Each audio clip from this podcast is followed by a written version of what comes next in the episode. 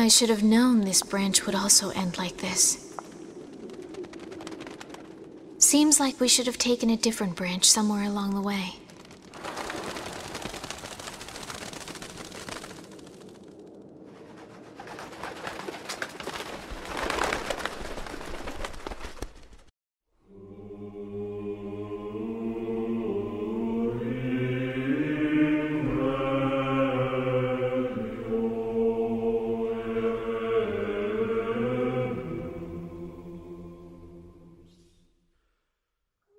Gdy wojna bestii przyniesie światu zagładę, bogini zstąpi z niebios. Skrzydła światła i cienie omiotą ziemię. Jej wieczny dar powiedzie nas ku szczęściu. Nieskończony w tajemnicy jest dar bogini. Pragniemy go zatem i wznosimy ku niebu. Fale mkną po powierzchni wody, wędrująca dusza nie zazna spokoju. Nie ma nienawiści, jest tylko radość. Dla umiłowanego przez boginię, bohaterkę świtu, uzdrowicielkę światów, zszarganej duszy sny o lepszym jutrze, utracona duma, wyrwane skrzydła, koniec jest już blisko. Gdyby tylko klon jedynki znał owy poemat, prawdopodobnie jego życie potoczyłoby się zgoła inaczej. Nie podniósłby swego ostrza, żeby zakończyć życie zero. Nie pozwoliłby swojej siostrze na samotną walkę i może, jeżeli los byłby łaskawy, teraz żyłby z jedyną osobą, którą kochał.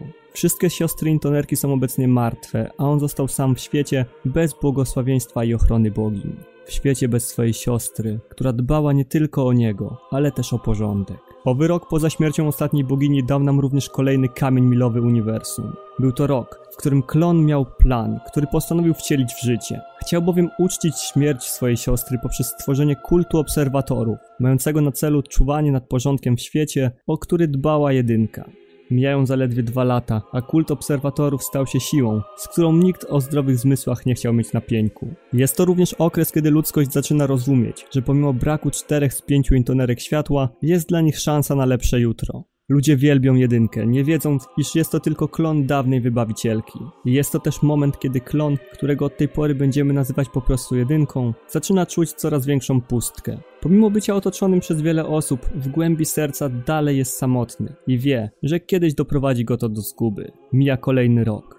Rok, który okazał się niezwykle okrutnym sprawdzianem dla kultu obserwatorów i ich lidera. Nieważne co los rzucał im pod nogi, oni i tak dawali radę, przez co zyskali coraz większe poparcie ludności i możnych tego świata. Śmiało można rzec, że był to szczyt popularności kultu, co nie zmienia faktu, że byli mieczem ludzkości przeciwko wszystkiemu, co czaiło się w mroku. Nie zostawiali przy życiu nikogo, kto mógł zagrozić temu, co budowali przez lata.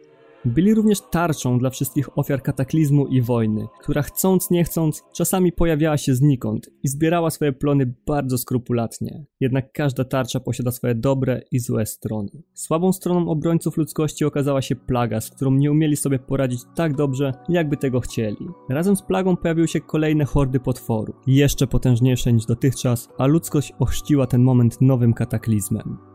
W 1004 roku jedną z wypadkowych plagi był głód, który dotknął praktycznie każdego skrawka świata. Kult obserwatorów, jak i wszyscy, którzy go wspierali, starali się pomóc ludzkości, jednak nie mieli wystarczającej liczby zasobów, żeby temu podołać. Ludziom zaczęto wydzielać odpowiednie racje żywnościowe, które miały załagodzić napiętą sytuację. Dla wielu to było za mało. Częstymi zajściami stawały się napady rabunkowe, które tym razem nie miały na celu ograbienia ludzi z kosztowności, ponieważ obecnie pieniądze nie były zbyt przydatne. Okradano ludzi z jedzenia, czego skutkami była śmierć setek tysięcy osób. Nawet ingerencja kultu nie pomogła, a wewnątrz organizacji zaczęto rozważać rozłam. Zanim jednak to miało nadejść, najwięksi naukowcy postanowili założyć Instytut Kapłański, który miał bazować na naukach i eksperymentach dawnego Instytutu Pitagorasa z Cathedral City. Po wielu dywagacjach i eksperymentach doszli do jednogłośnej decyzji. Jeżeli nie zostaną podjęte odpowiednie kroki, to całą ludzkość czeka zagłada. Zagłada, którą zapoczątkowała plaga, potwory i głód, a której kolejnym etapem były wszechobecne wojny domowe, uchodźcy i dziwne zjawiska pogodowe, których nawet najwięksi uczeni nie mogli wytłumaczyć. To był jednak dopiero początek historii, w której agogika miała być częstym zjawiskiem. Kult obserwatorów nie jest w stanie poradzić sobie ze wszystkim, co rzucił im los. Poparcie dla nich wśród bogatych słabnie, lecz biedna ludność cywilna wierzy w nich jeszcze bardziej niż przedtem. Każdy zdolny do walki stara się dostać na służbę do jedynki. Część z nich szuka w tym odkupienia za grzechy, inni natomiast chwały i pełnego talerza. Są też tacy, którzy nie mają wyjścia i zostają zmuszeni do ubiegania się o służbę, żeby opłacić długi, których nabawili się od momentu, kiedy plaga zaczęła się rozpowszechniać. Wiele z tych osób nie doczeka końca plagi, ani nawet swoich następnych urodzin. Kult, mając tak wielu członków, nie jest w stanie wyszkolić ich wszystkich w odpowiedni sposób, przez to żołnierze często giną z głupich powodów, zanim nawet spotkają swojego przeciwnika na polu walki. Niegdyś elitarna jednostka teraz stała się zwykłą bandą pełną słabo wykwalifikowanych ludzi. Jest to również rok, w którym Midgard zaczyna się rozpadać. Pierwsze wyłamują się regiony nadmorskie i części niegdyś wspaniałej krainy gór. Rok później pojawiają się kolejne państwa, które wyszarpują terytoria z niegdyś wspaniałych krain. Walczą między sobą nie tylko o tereny, ale też o zasoby. Brak zaufania między niegdyś zjednoczonymi nacjami zaczyna narastać. Tak mijają kolejne lata, które przypieczętowane są krwią niewinnych, a wewnątrz jedynki narasta poczucie pustki i bezradności. Rok 1011 okazał się momentem przełomowym, jednak nie w tym sensie, którego oczekiwaliby wszyscy, a szczególnie kult obserwatorów. Był to przełomowy moment dla wszystkich, którzy sprzeciwiali się organizacji jedynki, a ich główną kartą przetargową była rzeź w krainie lasów. Bitwa, do której tam doszło, zostanie na zawsze zapamiętana jako jedna z największych porażek kultu. Pomimo, że udało im się pokonać niebywale potężne stworzenie, które pojawiło się w owym regionie, to niestety przypłacili to ogromnymi stratami. Większość żołnierzy wysłanych na operację nie wróciła z powrotem, a ogromny procent tych, którym udało się przeżyć, nie było zdolnych do walki. Żołnierze, którzy walczyli o lepsze jutro, teraz zostają wyrzuceni z armii z powodu niezdolności do walki. Większość z nich chwilę potem umarła z głodu lub kończyła swój żywot przedwcześnie z własnej ręki. Jednak ta tragedia nie trafiła na karty historii. Wszystko, co zapamiętają ludzie, to zwycięstwo nad potworem i jak poparcie dla jedynki i jej podwładnych zaczęło rosnąć. 1012 miał być rokiem zmian. Miał być rokiem, kiedy to ludzkość nauczy się nie powtarzać błędów przeszłości i w końcu podniesie się z kolan, na które upadła całkiem niedawno. Kult obserwatorów odzyskuje wsparcie bogaczy, dzięki czemu każdy nowy żołnierz otrzymał odpowiednie szkolenie i uzbrojenie. Nie są już zwykłą bandą najemników uzbrojonych w słabej jakości sprzęt, który często musieli wyrywać z ciał pokonanych przyjaciół. Powrócili jak jastrząb w pełnej klasie i znowu stali się elitarną jednostką. Jest to też rok, w którym plaga zaczyna znikać oraz w którym powstał system pieczęci. Pieczęci, która w swoich założeniach miała zapobiegać incydentom takie jak ten z krainy lasów, w którym potężna bestia pojawiła się niby znikąd. Jak później wydedukowali naukowcy z Instytutu, owe monstrum było pierwszym dzieckiem nasion zniszczenia. Nasienie samo w sobie nie było niczym strasznym, lecz obiekt, który wszedł w kontakt z nim, stawał się ofiarą furii, która najczęściej była kierowana przeciwko ludzkości. Nadzór nad pieczęcią trzymał kult obserwatorów oraz bogini pieczęci, która była czymś w rodzaju ostatniej ochrony przed korupcją nasion. Tak dobrobycie mijają kolejne 4 lata, po których plaga znowu powraca. Do tej pory nikt nie wie, co jest ostatecznym czynnikiem sprawiającym pojawienie się plagi. Wielu uczonych zakłada, że jest to efekt uboczny rozkładu nasion zniszczenia. Są również szaleńcy, którzy sugerują, iż za każdym razem, kiedy siła nadprzyrodzona ingeruje w historię, plaga powraca jako spojna między rzeczywistością i liniami czasowymi. Jednak czy prawdziwi obserwatorzy naprawdę dopuściliby się takich czynów? Zamykanie różnych odnóg historii było całkiem logiczne i popularne, jednak czy łączenie ich w jedną całość było dopuszczalne? Czyżby w ich szeregach również dochodziło do wręcz boskiego rozłamu?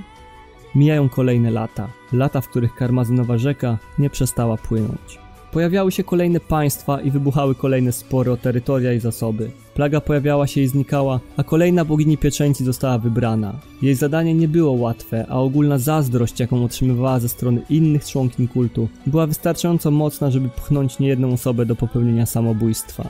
Nastaje rok 1021, który będzie rokiem upadku jedynki. Po raz pierwszy od momentu założenia kultu doszło do wewnętrznej wojny o władzę w owej instytucji. Wiele osób było niezadowolonych z tego, jak jedynka kieruje kultem i zażądali zmian. Jedynka starał się zapobiec temu wszystkiemu. Nie chciał opuścić czegoś, co stworzył ku chwale swojej siostry i starał się znaleźć wspólne rozwiązanie ze swoimi przeciwnikami.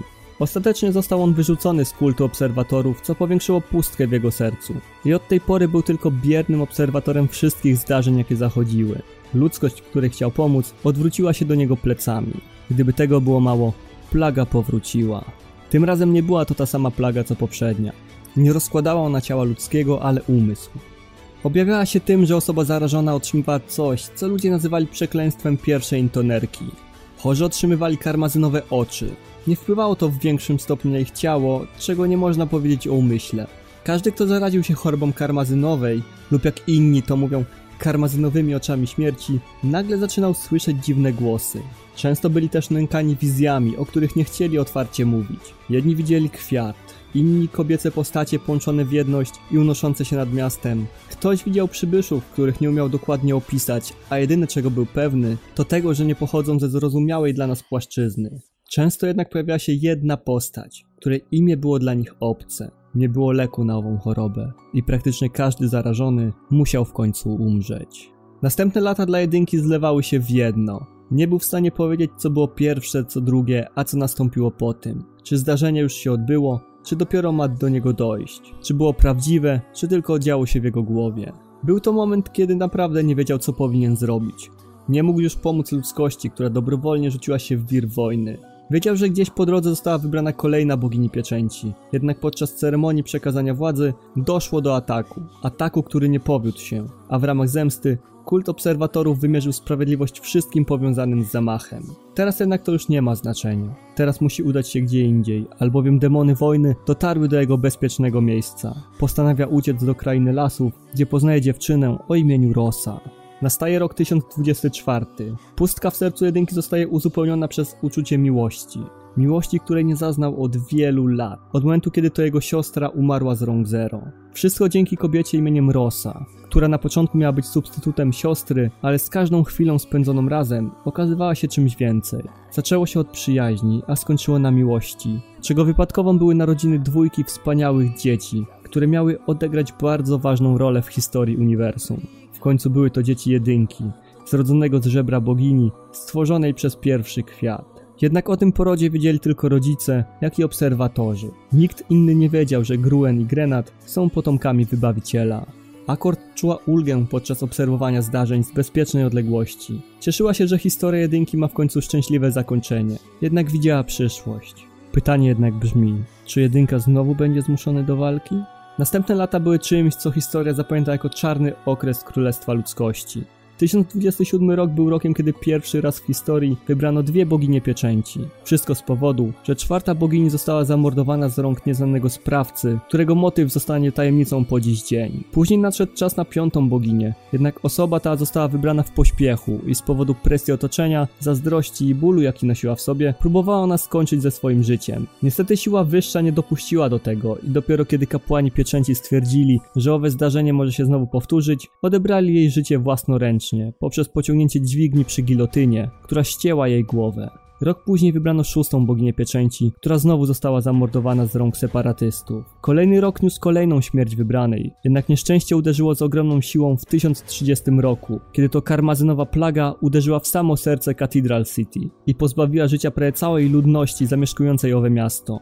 Pięć lat później umiera pierwszy król władający światem, stworzonym przez jedynkę. Nie żyje król, niech żyje nowy król. Drugi król ginie w 1039, trzeci król obejmuje po nim tron. 1041 rok jest rokiem, z którego jedynka natomiast może być dumny. Jego syn Gruen zostaje głową instytucji, którą niegdyś stworzył jego ojciec ku czci swojej poległej siostry. Rok po tym zdarzeniu zostaje wybrana nowa bogini pieczęci, a opowieść o samej bogini, kapłankach i pieczęci zostaje zdefiniowana na nowo przez skrybów i bardów, w pięknej opowieści krążącej teraz po całym świecie jako znak zmian, które nadejdą. To jest jednak opowieść na następny rozdział.